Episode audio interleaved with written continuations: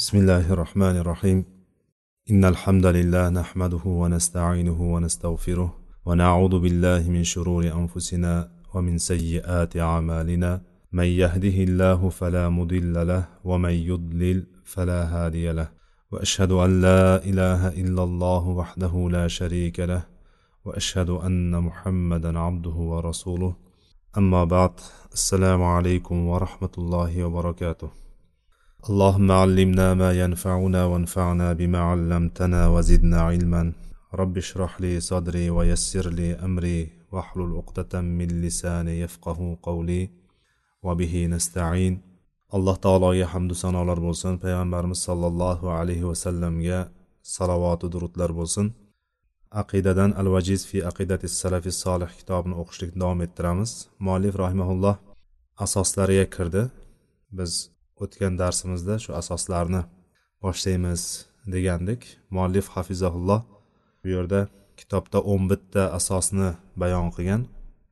Shu o'n bitta asosdan birinchisi iymon va uning rukunlari degan asos hisoblanadi. Birinchisi iymon va uning rukunlari.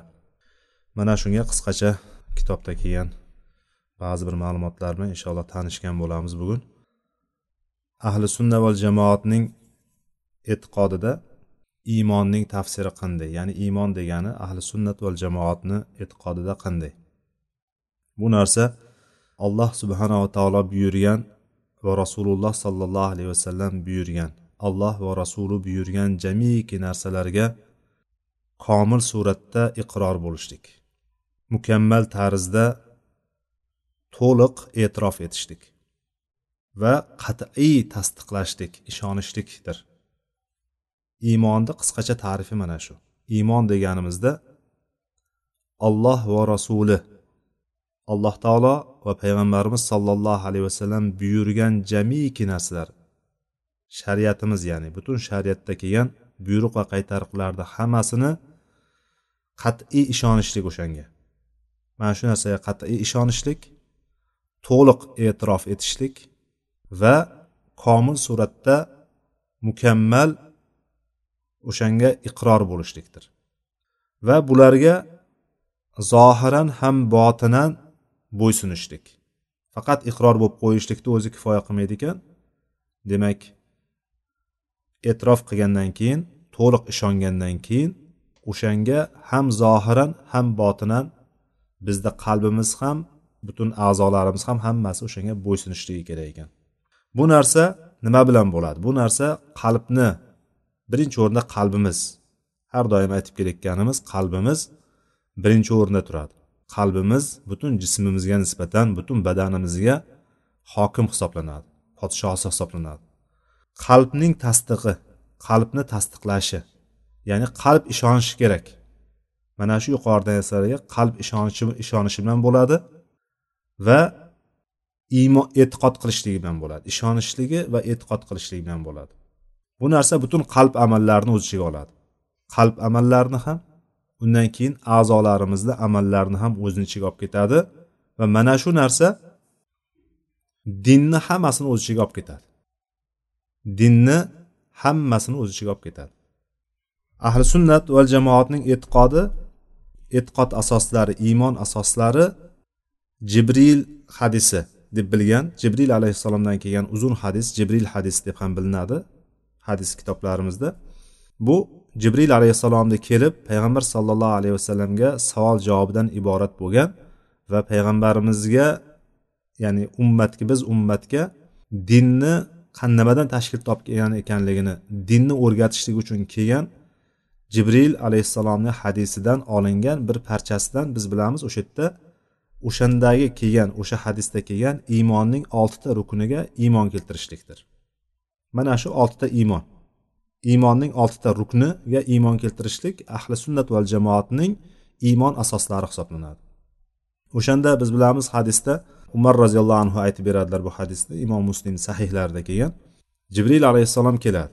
Ya'ni jibril alayhissalom ekanligini bilmaydi hech kim. U kishi e, hech kim tanimaydigan oppoq libosda yuzlariga hech qanaqa bir chang g'ubor yopishmagan soch soqoli qop qora bo'lgan holatda shunday kirib keladi. Va safar alomatlaridan birontasi ko'rinmasdi. Usti kir bo'lishligi soch soqol to'zigan bo'lishligi bunga o'xshagan safar alomatlari ya'ni safardan kelgan bir badaviy kishini holatiga o'xshamasdi u kishi. Kelib payg'ambar sallallohu alayhi vasallamni yoniga o'tiradilarda savol berib boshlaydilar. Tizzalarini tizzalariga tekkizib qo'llarini sonlariga qo'yib yuzma yuz turib turib ey muhammad menga islom haqida xabar bering. Menga iymon haqida xabar bering. Menga ehson haqida xabar bering. Menga qiyomat haqida xabar bering deb turib bir nechta savollar so'raydilar. O'shanda payg'ambarimiz sollallohu alayhi vasallam u kishini kelgan kishini savoliga javob berganlar. Va oxirida u kishi ketgandan keyin payg'ambarimiz sollallohu alayhi vasallam bir muddat to'xtab qoladilar. Bir muddat turib qoladilarda keyin boringlar qaranglar deganda boyagi kishi ketib bo'lgan bo'ladi. Yo'q ya'ni chiqqandan keyin yo'q. Keyin payg'ambarimiz so'raydilar ey umar kelgan kishi kimligini bilasanmi? deb so'raydilar. Umar roziyallohu anhu allohu va rasuluhu alam deb javob beradilar. Olloh va rasuli biluvchiroq yaxshi biladi bu narsani kim kelganligini biz bilmaymiz deb aytganda bu kelgan jibril edi. Ya'ni jibril alayhissalom ketgandan keyin bilganligini rivoyatlar ko'rsatadi. O'sha ungacha ya'ni kelgan paytda birinchi kelib o'tirganida uni jibril ekanligini payg'ambar sallallohu alayhi vasallam bilmaganlar deydi. Ketgandan keyin bu narsa bildirilgan payg'ambar sallallohu alayhi vasallamga deydi. Xullas bu jibril edi sizlarga dinlaringizni o'rgatgani keldi deb turib payg'ambarimiz sallallohu alayhi vasallam aytganlar. O'sha hadisda menga iymon haqida ayting iymon nima edi deb so'ragan savoliga payg'ambarimiz sallallohu alayhi vasallam javoblari أن تؤمن بالله وملائكته وكتبه ورسله واليوم الآخر وتؤمن بالقدر خيره وشره va tu'mina bil qadari xayrihi va sharrihi deb aytiladi. Bu imom buxoriyni va imom muslimning kitoblarida kelgan lafz imom muslimning lafzi bo'lishligi kerak allohu alam. O'shanda payg'ambarimiz sollallohu alayhi vasallam unga javob berayotganligi ollohga allohning farishtalari kitoblari payg'ambarlari oxirat kuniga va qadarning yaxshi va yomon ekanligiga iymon keltirishliging qadarning yaxshisiga ham yomoniga ham iymon keltirishliging deb turib payg'ambarimiz sallallohu alayhi vasallam aytganlar o'shanda. Mana shu oltita rukun. Lekin qur'onda bir o'rinda kelgan oyatlarni jamlanadigan bo'lsa o'sha iymon haqida xabar berilgan oyatlarga qaraladigan bo'lsa oxiridagi qadarga iymon keltirish qadarning yaxshi va yomoniga iymon keltirishlik qismi yo'q. Beshta yuqoridagi beshtasi bor oxirat kuniga iymon keltirishgacha bor, bor lekin bu oxiridagi qadar qismi o'sha iymon haqida xabar berilgan bitta o'rinda kelmaganligi uchun ba'zi toifalar chiqib ya'ni qur'onnigina hujjat qilamiz degan ba'zilar chiqib turib qadarni qadarga iymon keltirishlik iymonni rukunlaridan hisoblanmaydi deydi. Lekin biz o'sha oyatlarda kelgan boshqa bir dalolatlar bilan va hadisda kelgan ochiq lafz bilan mana bu sahih kelgan lafz bilan biz iymonning rukunlari oltita deb iymon keltiramiz va ahli sunnat val jamoatning e'tiqodi mana shu. Mana shu oltita rukunga iymon keltirishlik va ularni birontasini o'rtasini ajratmaslik iymonni asli sharti mana shu. Mana shu hammasiga bir butun iymon keltirishlik. Ichidan bittasini olib tashlay olmaymiz ularni bo'laklarga bo'la olmaymiz. Men bunisiga iymon keltiraman bunisiga iymon keltira olmayman deya olmaymiz. Agar banda shunday qiladigan bo'lsa agar banda ya'ni kishi mana shu iymonni rukunlari oltita rukundan bittasiga bittasini ichidan olib tashlaydigan bo'lsa yoki ikkitasini olib tashlaydigan bo'lsa mana bunda iymoni mukammal bo'lmay qoladi. Iymondan chiqadi ya'ni mo'minlikdan chiqadi. Bu narsa kishi mo'min bo'lishligi uchun iymoni bor bo'lishligi uchun mana shu rukunlarda hammasi unda ro'yobga chiqishligi kerak. Hammasini amalga oshirishligi kerak. Qaysi shaklda? Yuqorida aytganimiz shaklida. Qat'iy ishonch to'liq e'tirof va komil iqror bilan va zohiran va botinan bo'ysunishlik bilan bo'ladi bu narsa. Mana shular bilan hammasi bilan iymon keltirishlik kerak oltita rukniga. Agar bu rukunlardan bittasi tushib qoladigan bo'lsa mana shu oltita rukunga. Oltita rukun qaysi? Yana bir takrorlab o'tamiz. Allohga iymon keltirishlik farishtalarga kitoblariga payg'ambarlariga oxirat kuniga va qadarning yaxshi yomon ekanligiga qadarning yaxshi va yomon ekanligi ollohdan ekanligiga iymon keltirish mana shu oltita bo'ladigan bo'lsa o'shandan bittasi tushib qoladigan bo'lsa yoki o'shani bittasi amalga oshmaydigan bo'lsa o'shani bittasiga ro'yobga chiqarmasa hayotida ya'ni hayotida o'sha narsani inkor qilmagan bo'lsa ham tushirib qo'ymagan bo'lsa ham o'sha narsani qabul qilmasa qalban. Mana bu kishinda mana bu holatda iymon buziladi va iymon botil bo'ladi. Iymon buziladi va botil bo'ladi. Ana o'sha kishi mo'min sanalmaydi. Agarchi u iymonni davo qilsa ham mo'minlikni davo qilib turgan bo'lsa ham men musulmonman men ahli sunnatman deb turgan bo'lsa ham u kishini iymoni qabul qilinmaydi. Chunki u iymon rukunlaridan bitta rukunni tushirib qolgan bo'ladi. Bitta rukun yo'qolib qoldi. Mana shuning uchun u bo'lmaydi. Iymon bu rukunlarni hammasi bo'lgan paytda bir butun hisoblanadi. Ya'ni buni oldin ham aytgandikki bir binoga o'xshatgandik iymonni islom dinini bir binoga o'xshatgandik bir imoratga o'xshatgandikki uni asoslari bor. Uni ko'tarib turadigan ustunlari bor. O'sha ustunlardan bittasini olib tashlaydigan bo'lsa bino turmaydi yiqilib ketadi. Yiqilib ketmagan bo'lsa ham o'sha tarafga og'ib qoladi qiyshayib qoladi. Ya'ni mana shu oltita rukun binoga nisbat olinadigan bo'lsa hammasi bo'lgan taqdirdagina bino to'g'ri turadi. Bino davom etadi qurilishligida. Iymon rukunlari ham xuddi shunday. Mana shundan bittasi tushib qoladigan bo'lsa ham iymon yiqilib ketadi. Iymon buziladi. Shuncha qilgan mehnat yo'qqa chiqadi. Demak bundan ko'rinadiki iymon mana shuda oltita rukunga to'g'ri shaklda kitob va sunnat dalolat qilgan sog'lom ko'rinishda iymon keltirishlik bilan e'tiqod qilishlik bilan mukammal bo'ladi. Bo'lmasam iymon mukammal bo'lmaydi. Mana bu rukunlardan iymonni mana shu rukunlardan birontasini inkor qilgan odam u mo'min emas. Agarchi u iymonni musulmonlikni davo qilib turgan bo'lsa ham u mo'min hisoblanmaydi. Musulmon hisoblanmaydi ya'ni. Bittasini inkor qilgan odam haqida gapiryapmiz. Qolganlarini qilib bittasini inkor qilgan qasddan bilib turib inkor qilgan odam mo'min hisoblanmaydi. Mana shu rukunlardan endi birinchi rukun iymon rukunlarining birinchisi alloh taologa iymon keltirishlik rukni. Alloh taologa iymon keltirishlik rukni nimani o'z ichiga oladi? Birinchi o'rinda alloh subhanava taoloni bor ekanligini vujudini alloh taolo bor deb turib e'tiqod qilishlikni o'z ichiga oladi. Eng birinchi o'rinda hamma narsadan oldin alloh taoloni bor ekanligiga iymon keltirishlik. Undan keyin yoniga qo'shib ketaveramiz. Qisqacha qilib turib ta'rifni qisqacha qilib turib keyin sal kengaytiramiz. O'zi kitobda kengaytirib ora orasiga bittasini aytib turib orasiga chiziqcha bilan yana bunday bunday deb qo'shilib ketilingan. Lekin bu yerda hozir qisqacha qilib aytadigan bo'lsak alloh taoloning bor ekanligiga uning rububiyatiga ulug'iyatiga va ism sifatlariga iymon keltirishlik mana shu alloh taologa iymon keltirishlikni o'z ichiga oladi. Yana takrorlaymiz alloh taoloni borligiga uning yakka yagona rab ekanligiga ibodatga haqli zot faqat alloh ekanligiga va uning boshqalarga o'xshamagan va boshqalardan ajratib turadigan oliy sifat va ismlari bor ekanligi go'zal ism va sifatlari bor ekanligiga qat'iy ishonch komil iqror va to'liq e'tirof bilan iymon keltirishlikdir. Mana shu qisqacha tarifi. Rububiyat deganimizda alloh taoloni bu yerda hozir tarifni ichida kelyapti. Hali rububiyatga alohida to'xtalamiz. Rububiyat deganda ya'ni alloh taolo hamma narsani yaratuvchisi ekanligi. Rububiyati deganimizda rab rab kalimasidan kelib chiqqan. Rab degani o'zi sayyid bir xo'jayin podsho hammasini o'z ichiga olib ketadi. Mana shu ma'nolarni o'z ichiga olib ketadi.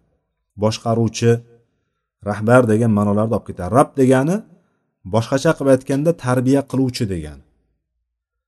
Shuning uchun o'zbek tilida parvardigor deb turib parvarish qiluvchi zot degan ma'noda parvardigor deb turib nomni berishadi. Bu forsiy so'zdan olingan. Ko'pchilik buni xush ko'rmasa ham e, ko'pchilik deganimizda umumiy millatimizni ichida bunga inkor qiladiganlar chiqmaydida buni xush ko'rmaydiganlar chiqmaydida. Biroz shu arabcha ilmi arabchadan biroz xabari bo'lgan.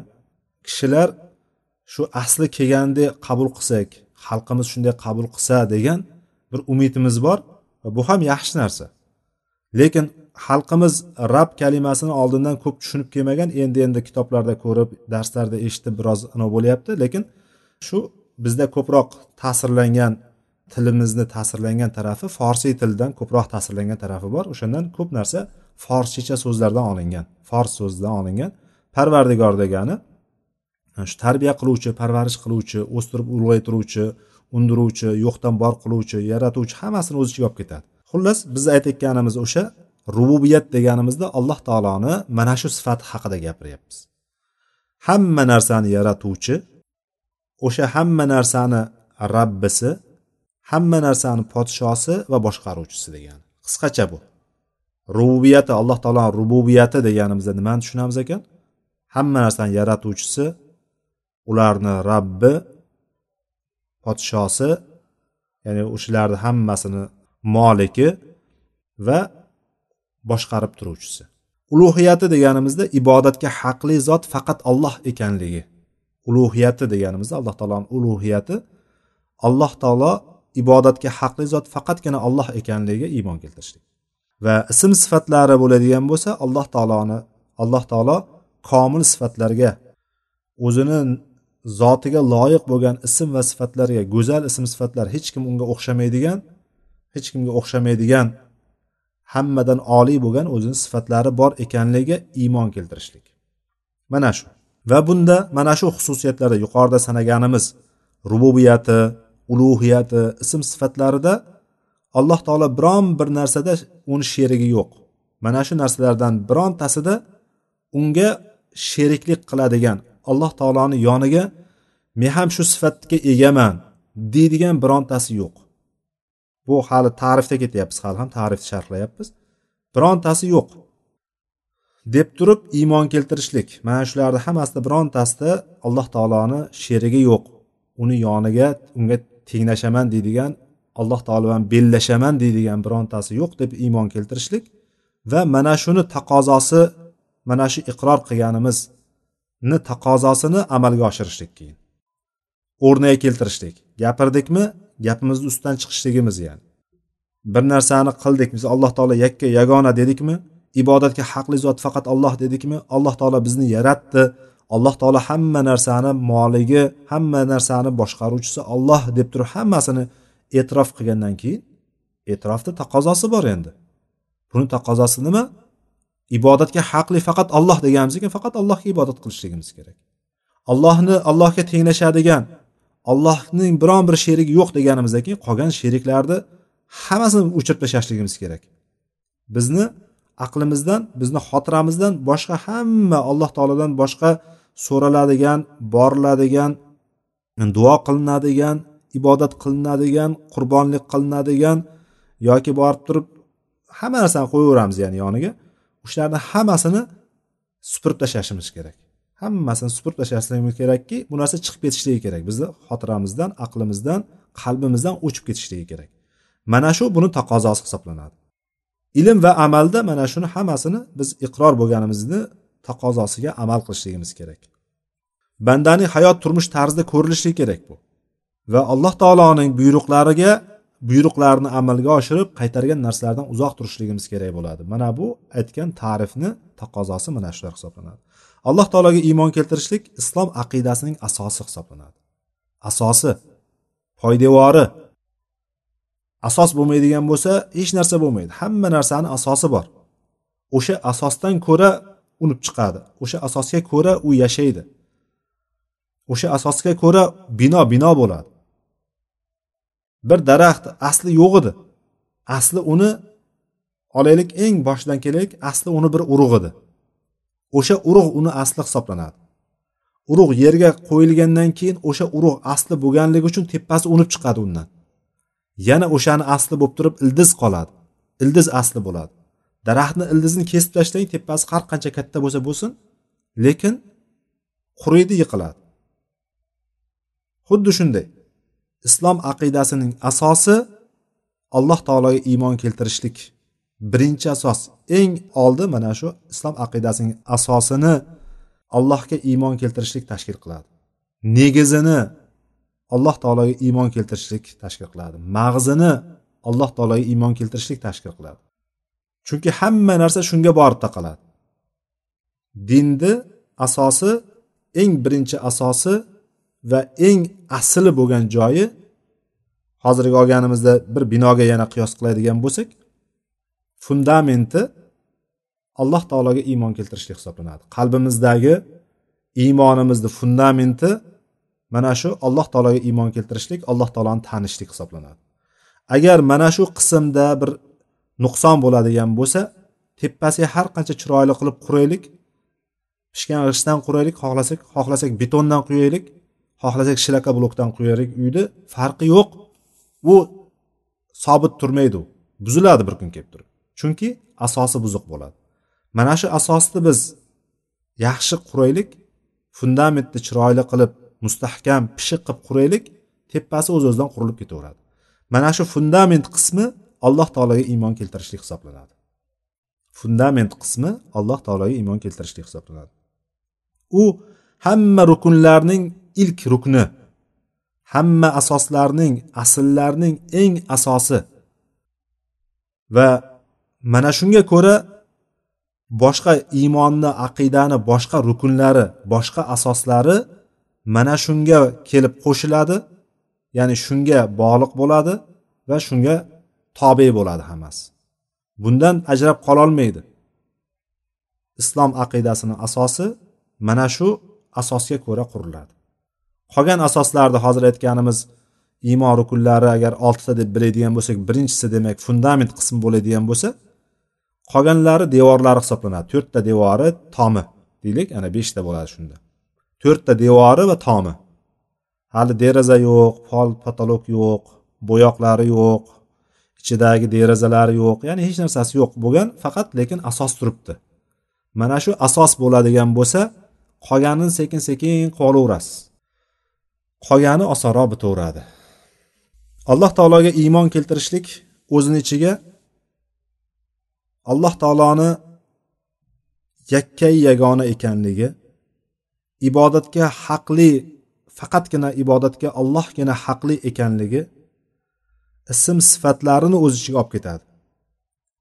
Chunki alloh taoloning vujudi borligi va rububiyati eng katta narsa hisoblanadi.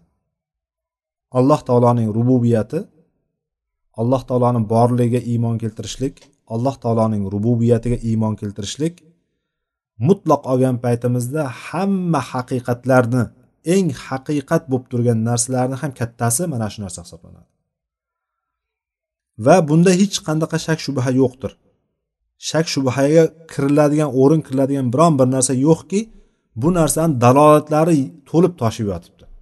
Dalolatlari yetarlicha alloh taoloni bor ekanligiga va alloh taoloni yakka yagona yaratuvchi rizq beruvchi boshqaruvchi ekanligiga dalolat qiladigan dalillar to'lib toshib yotibdi. Ulardan birinchisi islomni insonni. Ulardan birinchisi insonni o'zini sog'lom fitrati. Ya'ni inson yaratilganda qanaqa birinchi chaqaloqni olaylik hali hech narsani bilmaydigan hatto tilni ham bilmaydigan gapirishni ham bilmaydigan ota onasini ham tanimaydigan holatda bo'ladi to'g'rimi? Bolalar ikki uch oydan keyin onasiga qarab onasini tanib boshlaydi. Lekin onasini hali tanib boshlagani bilan uni onasi ekanligini biladi xolos. Hali uni ismini bilmaydi kimligini bilmaydi nima ish qilishini bilmaydi ha? Onasini qarindosh urug'ini bilmaydi ota onasi kimligini bilmaydi. Lekin birinchi qilinayotgan narsa bola men demoqchi bo'lganim o'sha bola tug'ilgan paytda qanaqa sof bo'ladi? Miyasida hech qanaqa bir yozuv bo'lmaydi. Miyasida xotirasida hech narsa bo'lmaydi. Qalbida ham hech narsa bo'lmaydi.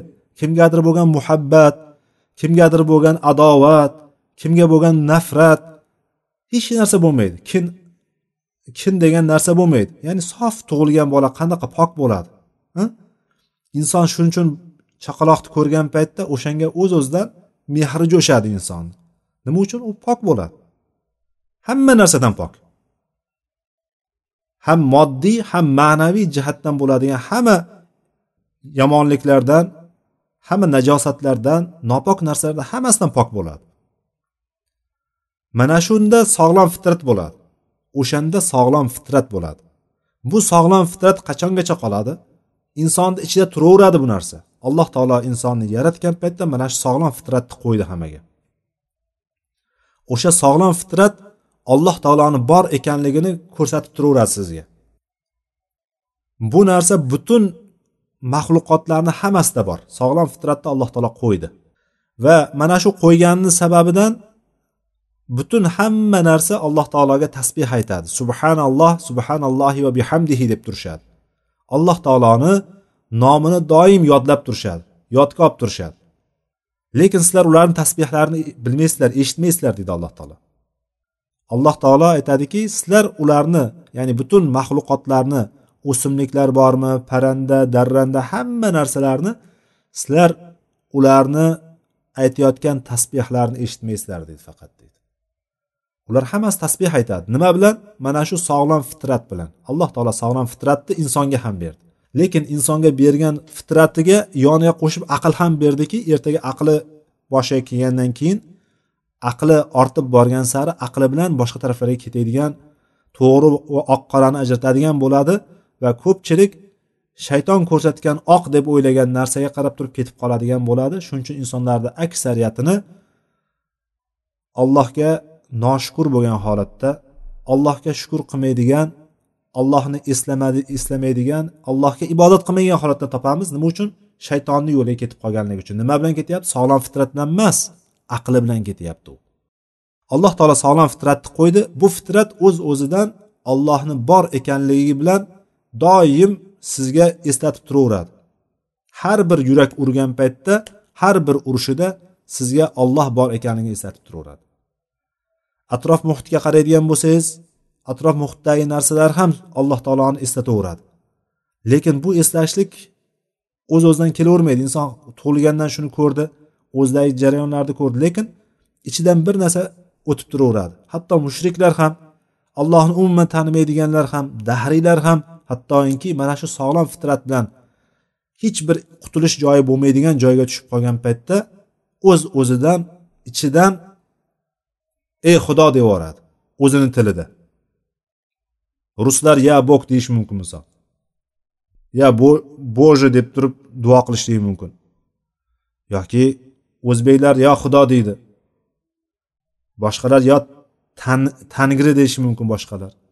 Ya'ni hamma o'zini tilida o'zi bilan ya'ni ifoda qiladigan narsasi yuqoriga qarab turib duo qiladi. Osmonga qarab turib duo qilib boshlaydi.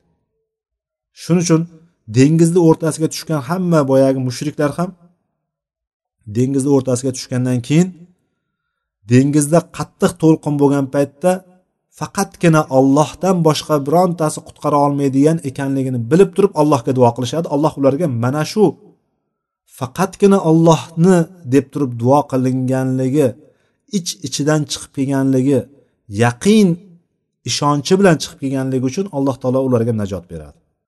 Bu najotni alloh taolo ko'ryapsizlarmi? Qalbidan allohga chin ishonch bilan qilganligi uchun hattoki ollohni umrida biron marta olloh demagan kishi biron marta xudo demagan kishi mana shunday qiyin holatda ey xudo deydigan bo'lsa alloh taolo shunday beradi unga.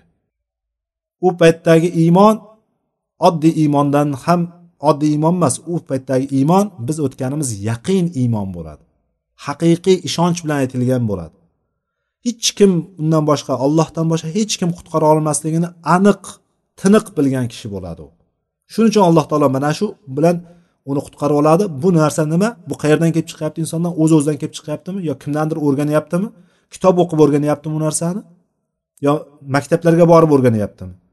Yoki kimdir borib masjiddagi imomdan o'rganyaptimi bu narsani? Yo'q. Bu narsani hamma inson o'sha sog'lom fitratidan olyapti bu narsani. Alloh taolo mana shu sog'lom fitratni qo'ydi. Bu bilan inson alloh taoloni bor ekanligiga bir ekanligiga yakka hamma narsaga qodir zot ekanligi bilib turadi ich ichidan hatto ana robbukumul ala degan fir'avn ham bilib turgan bu narsani. Lekin uni kibri uni o'zini katta olishligi bunga yo'l qo'ymagan o'shani tan olishligiga bo'lmasa bu ham bilib turgan o'sha narsani. Butun mo'jizalarni alloh tarafidan kelayotganligini butun kuch quvvat ollohda ekanligini bilganu lekin uni to'sib turgan narsa mol dunyosi kibri o'tirgan joyi katta o'zini katta olib turib o'sha narsa to'sib qo'ygan. Demak sog'lom fitrat sog'lom fitratdan shu yoqqa kirib ketib qoldik biroz. Sog'lom fitratni tushuntirmoqchiman sog'lom fitrat insonni qalbida turadi bu narsa o'zgarmaydi har doim turadi. Va mana shu narsa allohni bor ekanligiga dalolat qilib turaveradi. Har urganda sizga eslatib turaveradi. Lekin uni o'rni kelganda eslaydi inson qiyinchilik boshiga tushganda eslaydi. Qolgan paytlarda eslamaydi bu narsa. Alloh taoloni demak bor ekanligiga va uning rububiyatiga yakka yaratuvchi ekanligi rizq beruvchi ekanligi hamma narsani boshqarib turuvchi ekanligiga sog'lom fitrat dalolat qiladi. Sog'lom aql ham dalolat qiladi. Inson aqlini bunday o'ylab qaraydigan bo'lsa sog'lom fikrlasin o'zini bilimdonligiga o'zini boyvachcha ekanligiga yoki o'zini boshqa boshqa boshqa sifatlariga emas sog'lom o'tirib xolis o'tirib o'ylasin. Butun borliqni qarasin atrofga atrof muhitga qarasin osmonlarga qarasin yerga qarasin o'simliklarga qarasin. Aql bilan naql ya'ni aql bilan qur'on va sunnatda kelgan dalillar hech qachon bir biriga teskari kelmaydi. Aql har doim naqlni tasdiqlaydi iloji yo'q. Lekin ba'zi bir o'rinlarda aqlda bir chegarasi bor. Aqlni chegarasi nima bilan o'lchanadi? Aqlni chegarasi har kimni o'ziga yarasha aqli bilan o'lchanadi. Alloh taolo insonga ko'rishni berdi to'g'rimi? Ko'rish degan narsamizni bizni ko'zimizga ko'radigan nimalarni ko'rishligimiz mumkin o'sha ko'radigan narsalarni bir chegarasini berdi. Biz bir qaraganda necha metrdan yaxshi ko'ra olamiz. Biz olti metrlik olti metrda turgan narsani yaxshiroq yaxshi ko'ra olamiz. Olti metrda turgan narsani tiniq ko'ramiz. Olti metrgacha tiniq ko'ramiz. Yuzda yuz ko'ramiz olti metrgacha. O'sha jism yaqinlashgan sari bizni ko'zimizdagi boshqa boshqa narsalarga ehtiyoji bor. Ko'zimizdagi boshqa narsalarga ehtiyoji bor. Ko'zimizdagi mushaklar qisqarishligi kerak. Ko'zni olmasi uzunchoqlashishi kerak o'sha yerda ichkarisida bo'ladigan qism uzunchoqlashishligi kerak. Uzunchoqlashib turib orqadagi kelayotgan narsani shaklini orqadagi jarayon orqadagi to'rpartaga ya'ni nerv oladigan joyiga to'g'ri tushirib berishligi kerak. Uzoqqa ketib qoladigan bo'lsa yana ko'z yana qisqarishi kerak. Xuddi shunga o'xshagan mexanizmlar bor. Hozirgi kunda fotoapparat oladigan bo'lsak eng zamonaviy fotoapparatlar ko'radigan bo'lsak agar e'tibor bergan bo'lsangiz ichidagi narsa o'ynaydi. Oldimda chiqardim durbini oldidagi qismi o'sha bunday uzoqlashib yaqinlashib. Bu narsa insonni ko'zidan olingan andazasi ko'zdan olingan insonni ko'zidan olingan. O'sha fotoapparatlarni ishlash mexanizmi andozasi ko'zdan olingan. Bu narsani alloh taolo bizga so'ramasdan berib qo'ydi. Masalan shu narsani inson bunday o'ylaydigan bo'lsa bitta ko'z. Ko'zni ko'rishligi darajasi mana shuncha ekan. Endi aqlimizni ham. Lekin bu deganimiz ko'zimizni olti metrdan ko'radi uzoqroqdan o'zi borgan sari xiralashib boraveradi. Ikki yuz metrdan kelayotgan bir avtobus bo'lsin yoki boshqa bo'lsin o'shani nomerini ko'ra olamizmi o'sha raqamini ko'ra olamizmi ko'ra olmaymiz qaysidir masofaga yaqinlashgandan keyin va uni ham bir o'zini bir standartlari bor. O'sha standartlariga to'g'ri kelgan bo'lishligi kerak. O'sha standartga ko'ra ko'chalardagi afishalar yoziladi. O'sha standartga ko'ra avtobuslar raqamlari katta kichikligi qo'yiladi. Bu narsalar hammasi o'z o'zidan xohlagandek hamma xohlagandek qilib yozib olgan emas. Bu narsa inson ko'rganda necha qancha masofadan ko'ra oladi o'sha narsani? Ko'rib turib to'xtatishlikka cha bo'lgan ora ya'ni inson ko'rgandan keyin qo'lni ko'tarib to'xtatadigan darajadagi kattalikdagi standartga muvofiq keladigan qilib turib raqamlar qo'yiladi. Afishalar ham uzoqdan tepaga osib qo'yiladigan bo'lsa pastdagi odam ko'rolmaydigan bo'lsa uni nima ma'nosi bor? O'shaning uchun insonga ko'rayotgan paytda shu bana qancha balandlikka qo'yadigan bo'lsa o'shancha oraliqdan yaxshi ko'ra oladigan ya'ni o'qiy oladigan darajada qilib qo'yiladi. Bu demoqchi bo'lganim ko'zimizni bir chegarasi bor. Undan nariyog'ini ko'ra olmaymiz. Osmonda ketayotgan qushni ko'zini ko'ra olamizmi yo qushni oyog'ini ko'ra olamizmi biz? Qush ekanligini bilamiz tamom unga anavimiz yo'q. Lekin tepada yurgan burgut necha kilometr tepalikda turib pastda o'rmalayotgan sichqonni ko'radi. O'sha sichqonni ovini ko'rib turib o'sha tepalikdan shunaqa tezlik bilan kelib turib o'sha ovini ovlaydi ya'ni. Ya'ni alloh taolo unga boshqacha ko'zda ko'z o'tkirligini boshqacha shaklini berdi. Qulog'imiz ham xuddi shunday. Qulog'imiz ham ma'lum bir masofalarni va ma'lum bir gertslardagi o'lchanadigan bir tovushlarnigina eshita oladi. Undan nariyog'ini eshita olmaymiz biz. Undan nariyog'ida boshqa tovushlarni eshita olmaymiz ko'zimizda ham nurlarni bir necha ranglarda ajratadigan qilib qo'yganda o'sha ranglarnigina ajrata olamiz. Undan nariyog'idagi ranglarni ajrata olmaymiz biz. Undan nariyog'idagi ranglarni hozirgi bugungi kundagi fan texnika uni ko'rsatib turibdi. Mana shuncha ranglar bor deb turib quloqda ham qanaqa tovushlar bor uni eshita olmaymiz ortiqchasini. o'n metr yigirma metr o'ttiz metr nariyog'idagi narsani eshitmaymizki? Xuddi shunday aqlimizni ham bir chegarasi bor. Alloh taolo bizga aql berdi lekin bu aqlimizni ham doirasi bor. O'shandan nariyog'ini siz har qancha mashq qiling har qancha o'qing har qancha o'rganing har qancha ustida ishlang lekin o'tolmaysiz o'shandan. Sizga berilgan narsa shu. Bundan nariyog'iga o'tolmaysiz. Ko'z ko'z mashqlari degan narsa bormi? Masalan ko'zimni men mashq qildirib ko'zimni ko'rishini orttiray men ya'ni alloh taolo yuz foiz bir narsani ko'rishlikni yuz deb o'lchanadigan narsa bor hozirgi kunda. Masalan ko'z doktorlariga boradigan bo'lsangiz ko'zingizni yopib qo'yib turib harflarni o'qitadi. Bittasini yopib turib ikkinchisini yopib turib yuz bo'pti ekan buniki bir ekan buniki bunday ekan bittasi minus besh ekan plyus besh ekan deb turib keyin sizga e, ko'rish darajangizni aytib turib yo kerak bo'lsa ko'zoynak yozib beradi. Shundaymi ya'ni lekin siz ko'zingiz to'liq yuzda yuz ko'rib turgan bo'lsa yuz foiz ko'rib turgan bo'lsa yuz emas ikki yuz qilay degan odamni eshitganmisiz? Yoki qulog'im shuncha ekan buni qulog'imdagi eshitish darajasini yanada orttiray men uyda o'tirib turib bir mahalla nariyoqdagi odamlarni tovushini eshitay deydigan odam ko'rganmisiz? Mashq qilib shuni orttiray degan? Ya'ni yo'q bu narsa imkonsiz narsa. Aql ham xuddi shunday aqlni ham alloh taolo berib qo'ydi o'shandan nariyog'ini ko'ra olmaymiz o'shandan nariyog'ini bilolmaymiz shuncha hayol qiling har qancha hayolingizni qo'yib qo'ying. O'ylang o'ylang o'ylang hamma narsani ishlating butun bor kuchingizni ishlating butun dunyodagi bor aqllarni hammasini ishlatsin lekin alloh taoloni taniy olmaydi. Alloh taolo tanitganichalik rasululloh sollallohu alayhi vasallam bizga o'rgatganchalik taniydi undan nariyog'iga o'tolmaydi undan nariyog'iga o'tolmaydi chunki aqlni bir chegarasi bordi o'sha chegaradan chiqolmaymiz biz. Lekin sog'lom aql degan gapga keldik. Yana qaytib endi asliga keldikki sog'lom aql. Alloh taolo bir aql berdi.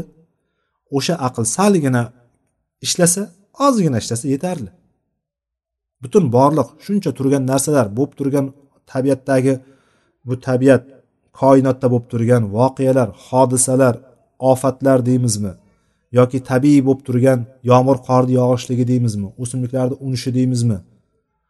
O'zimizni nafas olib turib qanday qilib turib bizni o'pkamizdan kislorod bizni qonimizga o'tyapti? Qanday qilib turib undan chiqib karbonat gidrid chiqib ketib qolyapti? Yegan narsamiz qanday hazm bo'lyapti? Inson ko'p o'ylash kerak emas. Ozgina kallasini ishlatsa ozgina aqlini ishlatadigan bo'lsa o'sha sog'lom aql bu narsa o'z o'zidan bo'lib qolgani yo'q. Buni boshqaruvchisi bor. U ham bo'lsa olloh deb turadi sizga. Mana shu sog'lom aql haqida gapiryapti. Dalolat qiluvchi narsalar haqida sanayapmiz. Alloh taoloni borligiga rububiyatiga dalolat qiluvchi unga ko'rsatuvchi unga yo'llantiruvchisi narsalar sog'lom fitrat sog'lom aql va insonni hissiyot a'zolari sezgi a'zolari. Insonning sezgi a'zolari. Va oxirida biz oxiriga tushirdik aslida birinchida turadi. Biz oxiriga tushirdikki oxirga muallif oxiriga qo'yganki buni nozil qilingan shariat. Ya'ni sog'lom aql bilan biz ma'lum sog'lom fitrat bilan ma'lum bir darajada bilamiz bu narsani. Sog'lom aql bilan ham ma'lum bir doirada va o'zimizni his a'zolarimiz bilan sezgi a'zolarimiz bilan ham ma'lum bir narsanigina bilamiz lekin uni mohiyatini bila olmaymiz. Uni mohiyatini bizga shariat nozil qilingan shariat bizga tushuntiradi. His a'zolarimiz bilamiz sezgi a'zolarimiz nima ekanligini. Bu ko'rish eshitish tan bilish ushlab bilishlik mana shu og'riq sezish mana shular hammasi sezgi a'zolar deganimiz mana shu. Ko'rish eshitish ta'm bilish terimizdagi og'riq va sovuq issiqqa sezuvchi bo'lgan e, mana shu a'zolar hammasi sezgi a'zolar hisoblanadi. Inshaalloh rubiyat tavhidi haqida keyingi suhbatimizda davom etamiz والله أعلم سبحانك اللهم بحمدك أشهد أن لا إله إلا أنت أستغفرك وأتوب إليك وآخر دعوانا أن الحمد لله رب العالمين والسلام عليكم ورحمة الله وبركاته